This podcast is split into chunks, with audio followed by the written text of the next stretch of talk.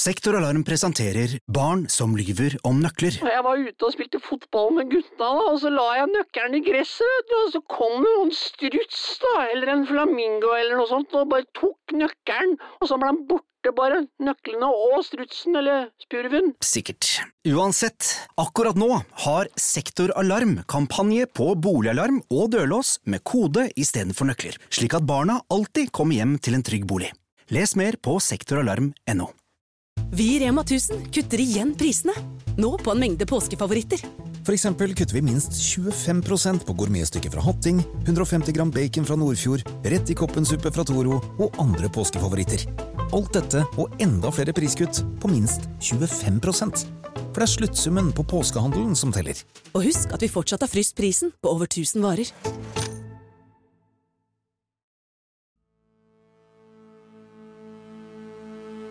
Politiet har i dag pågrepet en 28 år gammel mann, og han er siktet for drapet på Jonas Aarseth Henriksen. Han ble pågrepet i dag eh, klokken 11.09 på Rena, hvor han er bosatt. Og han blir nå kjørt til politihuset i Drammen. Selve pågripelsen den forløp seg uten dramatikk. Siktede han er norsk statsborger. Eh, Han er tidligere kjent for politiet, og han er også tidligere domfelt flere ganger. Torsdag 14.9 skjer det som kan virke som et gjennombrudd i saken. Politiet pågriper en 28 år gammel mann og sikter ham for drapet på Jonas. Hvem er denne mannen, og hvilket forhold hadde han til Jonas? Dette er Drapet på Jonas, en podkastserie fra Avhørt. Del fem Siktelsen.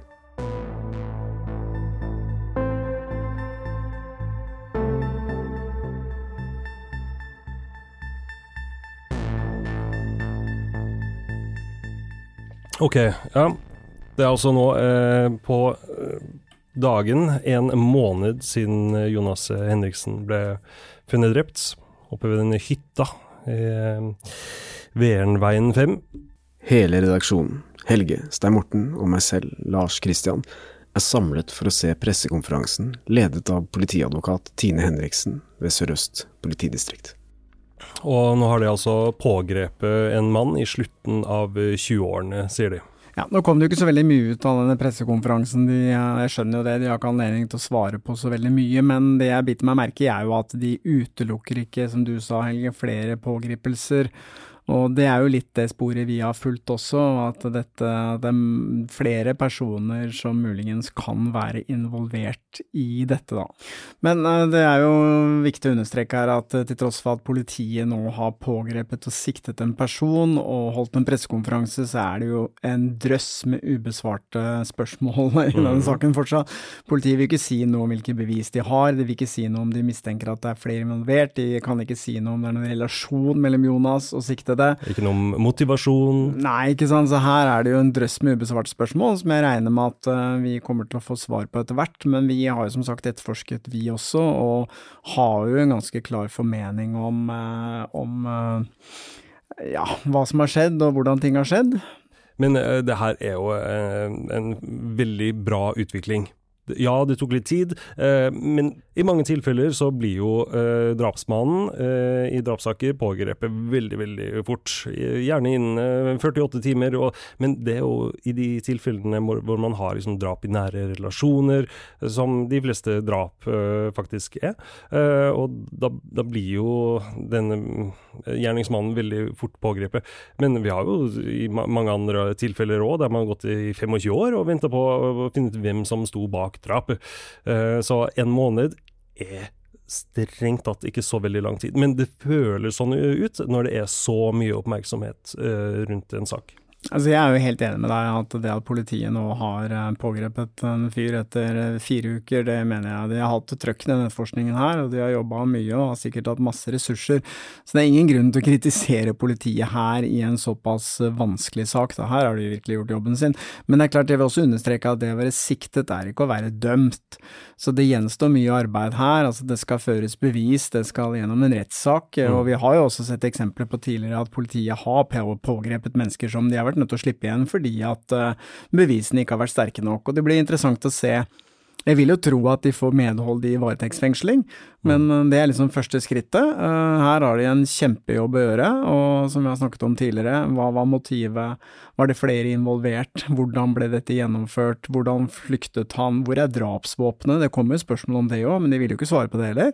Så vi vet jo ikke om politiet har funnet drapsvåpenet, det aner vi jo ikke. Nei. Det er fortsatt mange ubesvarte spørsmål i denne saken. Kanskje enda flere nå enn før pågripelsen. For denne personen som nå er siktet for drapet, han var ikke på vår radar. Eller hos noen av de andre mediehusene som vi har snakket med. Han er ikke en som har noen nær tilknytning til Jonas sin omgangskrets eller til Jonas selv. Basert på den informasjonen vi har samlet oss i arbeidet med denne saken. Den siktede er 28 år, folkeregistrert på Gjøvik, men ble pågrepet på en adresse i Rena. Mannen er tidligere domfelt flere ganger for blant annet grovt tyveri, trusler mot offentlige tjenestemenn og narkotikalovbrudd. Ifølge mannens forsvarer hevder 28-åringen selv at han ikke har noen befatning med drapet, og nekter straffskyld. Det, det var jo en veldig overraskende vending. Det var ikke overraskende at noen ble pågrepet, for det lå litt sånn i korta skulle skje, men at denne personen her ble pågrepet, det eh, kom litt overraskende på oss, for dette var et navn vi ikke kjente til. Ikke i det hele tatt. Eh, Vi har ikke hørt dette navnet før. Det har aldri stått på eh, lista vår. Det er ikke et navn som Jonas har gitt til oss, verken i intervjuet som vi hadde med han, eller i de dokumentene som vi fikk av han i etterkant. Og vi har tatt en ringerunde rundt i Hønefoss og pratet med de som vi har eh, kommunisert mye med da, i løpet av de siste Mm. månedene, og de har heller ikke hørt om han. Så det her er Nei. veldig, veldig rart. Veldig rart, og kanskje ikke så rart hvis man tenker på at denne personen har eh, var bosatt på Rena, det var i hvert fall der han ble pågrepet. Ja. Eh, han hadde riktignok eh, en Han var riktignok folkeregistrert adresse på Gjøvik, i Hunndalen i Gjøvik, Mm.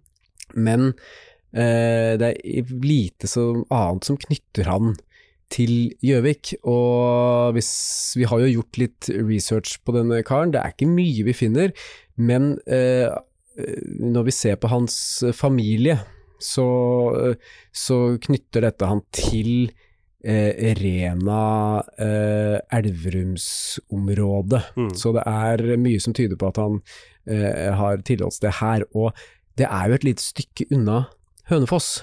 Eh, det tar rundt en to og en halv time eh, å komme seg fra Hønefoss til, til Rena, så at han ikke nødvendigvis har hatt noen bekjentskaper i, i Jonas sin nærmeste omkrets, er kanskje ikke så rart, da, men dermed er det jo desto rarere Mm. at denne personen nå er sikta for drapet. Mm. At en kar fra Rena skulle kjøre over til Hønefoss for å gjøre det her, eh, det gjør jo at motivasjonen og motivet her eh, blir jo kjempeinteressant. Hva i all verden har vært eh, utløsende for eh, denne her handlinga? Mm. Hadde denne personen noen historikk med Jonas, Mm. eller har denne eh, handlingen en helt annen bakgrunn? Nå, nå er jo den Det- informasjonen her ganske ferskt, og uh, denne linken, den, den vil komme. Det, det er ingenting å lure på engang. Og svaret vil man få, men akkurat nå så fremstår det snodig at denne karen bare kommer inn fra sida og, og, fremstår som gjerningsmannen her. Det er viktig nå, tenker jeg, også å se på denne siktelsen. Fordi han er jo faktisk nå sikta for drap. Han er ikke sikta for medvirkning til drap, eller, eh, eller noe annet. Det, det, det skal jo litt til å bli sikta for drap. Politiet må jo ha veldig konkrete beviser som knytter han til selve drapshandlingen. Eller det, det, det som jeg lurer litt på, det er jo eh, Se for deg at de har funnet DNA eller fingeravtrykk til denne karen på, på åstedet. Ja. Eller i, i bilen til Jonas, for eksempel. Altså, denne fyren har jo en tidligere eh, Han er jo tidligere straffedømt. Det kan godt hende at de har sikret seg både, både fingeravtrykk og DNA av denne personen eh, tidligere, slik at de har kunnet eh, eh, linke han til dette åstedet. Men er det nok å si at en person har vært på et åsted for å kunne sikte han for, for et drap? Ja, Det innebærer at politiet mener at det er såkalt skjellig grunn til mistanke. Dvs. Si mer enn 50% sannsynlig at dette er en person som har drept Jonas selv. For å få litt mer innsikt i hva som faktisk ligger bak en slik siktelse, tar vi en telefon til Kurt A. Lier. Kurt er tidligere politiinspektør.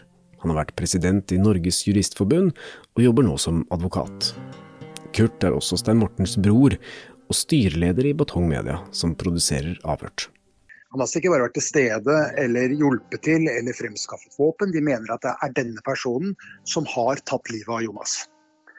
Det Dvs. Si videre at de sitter på bevis eh, som underbygger dette. Eh, og hva slags bevis det er, det kan være veldig mye. De kan ha funnet fingeravtrykk, de kan ha funnet DNA, de kan ha klart å knytte an til et eller annet våpen i den sammenheng. Eller det kan være vitner som har knyttet an til stedet.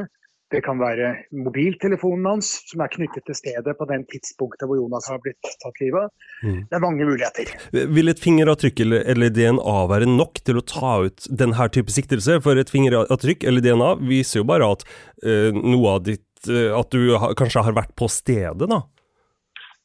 Normalt ikke, men det er klart hvis dette er et sted hvor han eh, ikke natur, normalt ville befinne seg i det hele tatt, eh, og de hos andre indikasjoner på at han har vært på dette stedet på det tidspunktet, eh, eller nær det tidspunktet hvor Jonas ble drept, så kan det være tilstrekkelig eh, for skjellig grunn til mistanke.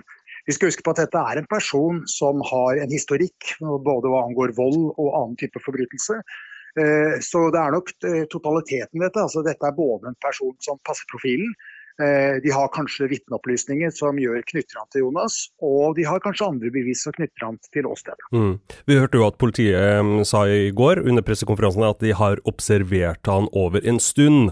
Så um, hva, hva, forteller det oss? Hvorfor har det ikke gått til en eh, direkte pågripelse da de gjorde disse funnene? Eventuelle funnet?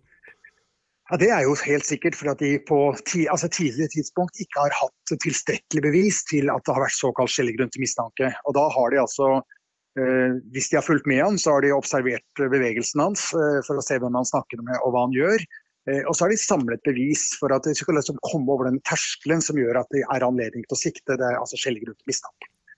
Ja, eksempel, Hvis man finner fingeravtrykk da, eller DNA av den personen, kan man da iverksette dette som heter for uh, kommunikasjonskontroll, f.eks.? At de kan overvåke hans mobiltelefon? Ja, det kan de f.eks. gjøre. Altså, hvis de har tilstrekkelig, hvis hvis beviset er sterkt nok til at de får, en, får domstolene med på at det, er behov, at det er anledning til å ha kommunikasjonskontroll på han, så, så kan de ha gjort det. Det er absolutt mulig. Han eh, benekter jo eh, enhver befatning med dette som skal ha skjedd med, med Jonas. Ehm, hvor, hvor, eh, som advokat, hvor vanlig er det at de som blir pågrepet, legger korta på bordet med en gang? Ja, Det er ikke vanlig. Det er veldig veldig vanlig. Det er slett ikke uvanlig engang at de, selv de som erkjenner å ha tatt livet av noen, tar, lar likevel ofte være å erkjenne straffskyld. Det ser ofte ganske pussig ut, men det Sånn er det. Uh, og det er ofte uh, slik at uh, når det gjelder de som er siktet for drap, at det også er en, en at det går en periode før de er villige til å ta, at, akseptere situasjonen sin. Og så erkjenner de likevel på et senere tidspunkt. Mm. Vi hører jo nå at politiet har observert denne 28-åringen en liten stund, vi vet ikke hvor lenge, før de valgte å pågripe ham kan det hende at politiet mistenker, slik vi også har gjort, at uh, dette drapet er tilknytta et, et, større kriminelt nettverk, og dermed har observert denne mannen over tid fordi de uh, håpet at han skulle lede dem til flere involverte? Eller er det litt feil å tenke at politiet ville tatt en sånn uh, risiko? Nei, det, det, er ikke feil å tenke. Det er i grunn de to mulighetene som foreligger. Den ene muligheten er at han at de har hatt for dårlig bevis. De har hatt behov for å, øh, å vente til de har liksom kommet over den terskelen. og drive etterforskning til de får mest mulig ting som sannsynliggjør at det er han som har gjort det. Men den andre muligheten er jo at de tidlig hadde tilstrekkelig til å pågripe han, men de hadde mistanke om at han kunne være del av et større nettverk, at dette kunne være noe større, og hatt behov for å kartlegge bevegelsen hans for å se om, om uh, han har forbindelse med andre, f.eks. For, for å knytte andre til dette. Og når de sier at de ikke utelukker pågripelse av flere, så kan det være et signal om akkurat at det er det siste. Det er jo en risiko å ta, da, å ikke gå til pågripelse hvis du er sikker på at du har gjerningsmannen. Uh, og, men du bestemmer deg for å observ ob observere han over en viss stund. Mye kan jo skje. Han kan bli utsatt for en ulykke, han kan ta livet av seg selv. Og det ville jo vært en katastrofe hvis det da kommer frem at ja, politiet visste hvem det var, men, men så skjedde dessverre det her, og så får ikke familien til Jonas den uh, rettferdigheten uh, som en, en dom da vil føre til. Ja, Det er jo verre enn det. Altså, løper, men man løper alltid en risiko. da. Hvis man skal spekulere igjen, så kan man si at uh, la oss tenke at han er del av et form for nettverk. da. Og Noen begynner å tenke at han er en, en mulig uh, hva skal vi si, en, en svak svakt ledd her. Noen kunne tatt livet av han, eller han. Uh, det er flere mennesker. Han, han, virker jo ikke å være helt stabil, som han tenker at skal tas av dage, så han dreper en annen person i tillegg. Det er masse muligheter her. Så de løper åpenbart en risiko hvis de har gjort det. Og det er ikke sikkert at de erkjenner politiet noen gang sier at det er det de har gjort heller. Det kan godt være at de vil bare si at de måtte over denne terskelen, men at de i realiteten har, har, eh, har etterforsket med tanke på at det skal være flere involverte. Og derfor venta man pågripe. Det er helt vanlig, man gjør det sånn stadig vekk. Men Kurt, hva, hva, hva, er ditt inntrykk av politiets arbeid i denne måneden som har gått etter Jonas eh, ble funnet? De har jo fått en god del kritikk av eh, pressen, da, annet, for ikke å ha delt noe særlig med informasjon. Nei, det får, de, de får man alltid pressen. Jeg tenker at det, det, det syns ikke jeg er noe rimelig kritikk. fordi at Særlig her, hvis det, hvis det er i mistanke om at det kan være store nettverk ute, så er politiet liksom avhengig av å holde kortene tett til brystet for ikke tipse de nettverket. Og Særlig hvis det har noe internasjonal forgrening, eller så er det kjempeviktig for dem å, å kunne holde på litt i fred. Eh, så jeg, Det er veldig vanskelig å vurdere. at Det har liksom tatt seg litt dårlig ut fra utsiden eh, til politiarbeidet eh, for alle. Men, men, det er hovedsakelig politiarbeidet før Jonas ble drept som fremstår som, eller som står et veldig underlig lys, syns jeg. Nå etterpå er det veldig vanskelig. Det kommer til å komme opplysninger etter hvert som gjør at man kan vurdere det, men akkurat nå syns jeg det er krevende å vite altså, om de har vært flinke eller om, om de faktisk har hatt grunn til å opptre som de har gjort. Det er veldig vanskelig å svare på. Det som er spennende, er å, å få vite hva politiet sitter med av eh, mm. beviser. Er det DNA? Er det fingeravtrykk? Sitter de på et drapsvåpen? Har de funnet mobiltelefon? Har de, har de kunnet kartlagt uh, denne personen som de har pågrepet, sin elektroniske uh, kommunikasjon? Har de liksom teledata fra han da han var på stedet? Er det en passering mm. uh, langs en eller annen vei? Det, det er en sånn kjempespennende periode vi går inn i nå, altså det som jeg syns er interessant ut fra det vi snakka om med, med, Kurt, er jo dette med kan politiet ha observert denne personen over lengre tid fordi de mistenker at det var flere involvert i drapet, eller at det var knytta til et større nettverk? At det er mm. derfor de har ventet med å pågripe ham, i tilfelle han skulle lede eh, dem til andre involverte? Ja. For det er jo noe vi har spekulert i i vår etterforskning også. Kan eh, dette drapet og det som har skjedd med Jonas tidligere også, ha knytninger til et, et, et større kriminelt eh, organisert kriminelt nettverk. Ja, og når vi hører at uh, politiet har hatt over 60 mann i sving nede på Hønefoss der i forbindelse med dette drapet, så så, så, gir det inntrykk av at uh, det kanskje uh, er et uh, noe større bilde her.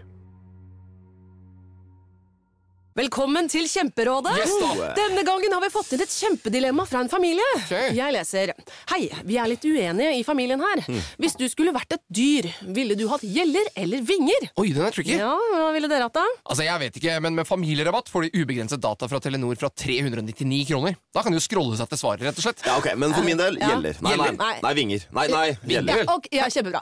Men uh, se nye mobilabonnement på telenor.no, da. Sektoralarm presenterer Barn som lyver om nøkler. Jeg var ute og spilte fotball med gutta, og så la jeg nøkkelen i gresset, og så kom det en struts, da, eller en flamingo eller noe sånt, og bare tok nøkkelen, og så ble han borte bare, nøklene og strutsen eller spurven. Sikkert. Uansett, akkurat nå har Sektoralarm kampanje på boligalarm og dørlås med kode istedenfor nøkler, slik at barna alltid kommer hjem til en trygg bolig. Les mer på sektoralarm.no.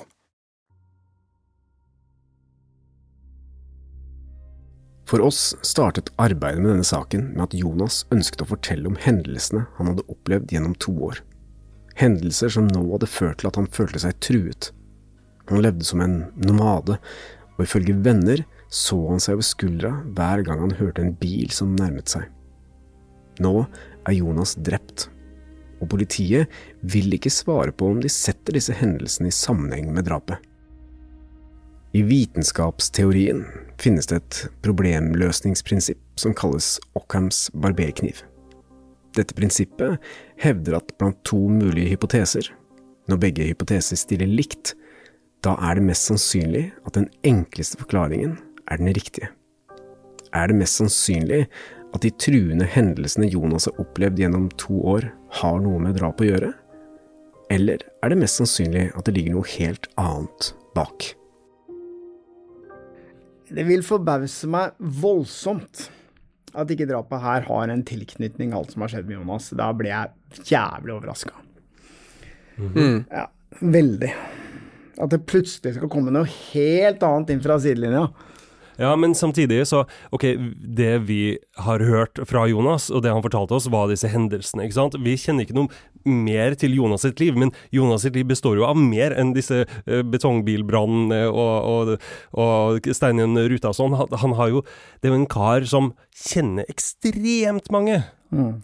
Og, og, har vært med på masse forskjellig, og det var mye han ikke fortalte oss der. Han er 30 år, han har levd et veldig innholdsrikt liv, så han kan ha kommet borti masse forskjellige andre folk enn de som vi hørte om da vi møtte han. da. Absolutt, absolutt. Eh, men igjen så mener jeg at eh, at Én uh, ting er jo å liksom begynne å se bredt på Jonas sitt liv og se om det er andre aspekter der som kan ha uh, ført til at noen ønsket å ta livet av han, men man kan liksom ikke legge bort det at uh, noen i to år har overfalt han, kasta stein gjennom altså hærverk, tyste-Jonas.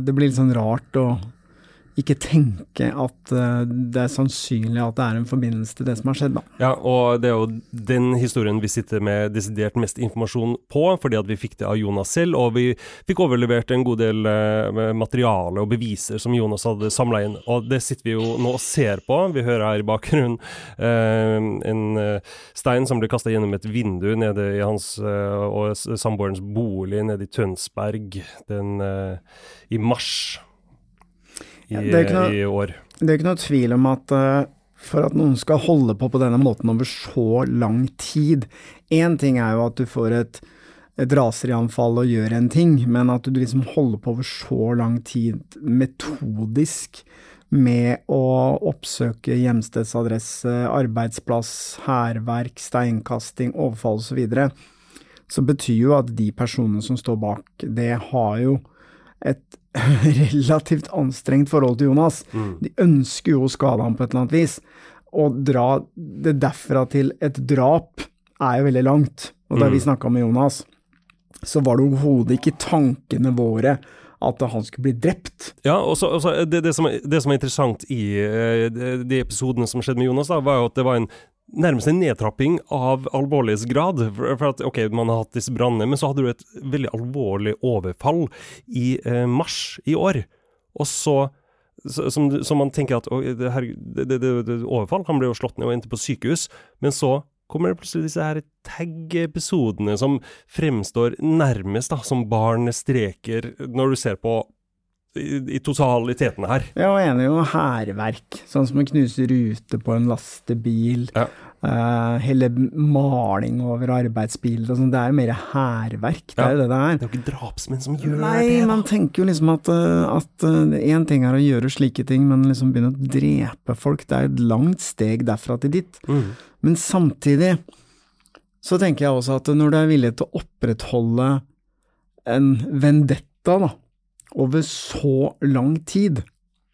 Og hvis, og nå bare spekulerer jeg, hvis du begynner å blande det inn med f.eks. rusmisbruk, mm. så kan ting fort eskalere. For man vet jo det at folk som ruser seg på kokain og amfetamin og alle mulige sånne ting, det, det, gjør noe med hodet ditt. Og ja. at du plutselig kanskje i en rus bestemmer seg for at nå, nå er det nok, liksom, nå skal vi ta han. Kanskje, kanskje, det som skjedde oppe på hytta der, ikke var meningen at det skulle være drap. Mm. Kanskje det skulle være en hva skal jeg si for noen alvorlig trussel som eskalerte og endte med drap. Vi mm. vet jo ikke, mm. vi aner jo ikke hva slags uh, bevismateriale politiet har sikret på det stedet der, ikke sant? Nei. Jonas ønsket at avhørt skulle se på saken hans, og han sendte over den dokumentasjonen han hadde rundt de hendelsene som hadde skjedd ham. Jonas hadde også selv en del teorier om hvem han trodde kunne stå bak, og ga oss en liste med navn av interesse. Men her var det også nevnt en mystisk person som Jonas selv ikke visste identiteten til. Jeg begynte jo også å gå gjennom alle disse e-postene som jeg fikk av Jonas eh, da i etterkant av at han ble drept, og, og fant jo en e-post hvor han lister opp en del personer som han mener er av interesse for saken hans, og da beit jeg meg merke i et punkt der hvor han skriver at i etterkant av at betongbilen brant, så var det jo veldig mye snakk om at eh, noen skulle ha betalt for den jobben, og da kommer dette uttrykket opp at det var en gal narkoman som eh, måtte ha de pengene veldig, veldig fort, at det ble veldig mye stress rundt det. Og eh, vi veit jo nå at denne personen som er pågrepet av politiet, er jo en person som ikke vi klarer å finne noen direkte linker inn til dette miljøet. Altså det er en sånn person som står på utsiden. Og vi aner jo ikke om det er en sammenheng mellom denne personen og denne beskrivelsen av en gal narkoman. Men vi kommer jo til å jobbe videre for å prøve å se om vi finner en link. Kan denne mystiske personen som Jonas beskriver som en gal narkoman, være den samme som nå er pågrepet i saken. En person som har en historikk med rusmidler og narkotikalovbrudd. Eller er det enda en mystisk karakter i et større nettverk?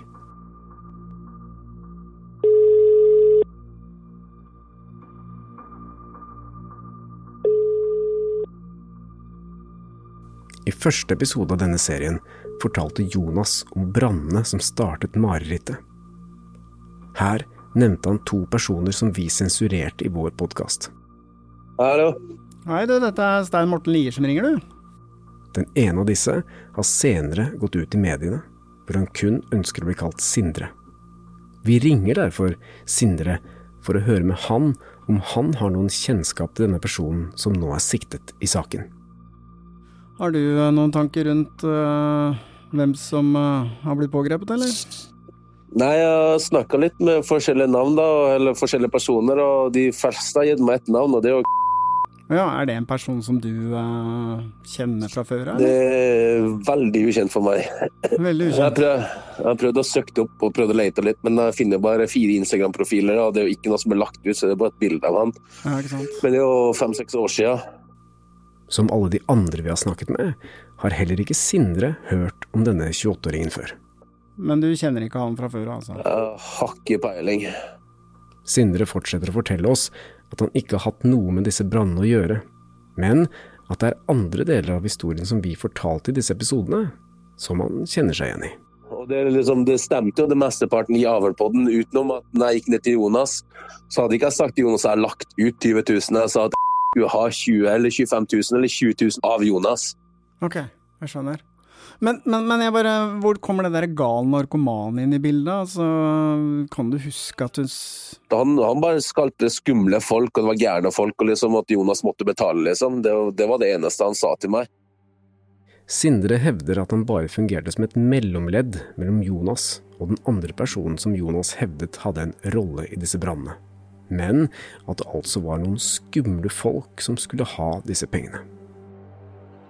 Det blir ganske tydelig ut fra den samtalen vi har med Sindre, at verken han eller noen han har snakket med, har hørt om den siktede 28-åringen før. Så hvem er han egentlig? Drapet på Jonas er en podkastserie fra Avhørt, produsert av Batong Media. Redaksjonen vår består av Stein Morten Lier, Helge Molvær og Lars Christian Nygårdstrand. Hvis du vil høre eksklusive serier fra Avhørt ett og et halvt år før alle andre, finner du disse på Podme. Gå inn på podme.no, eller last ned Podme-appen.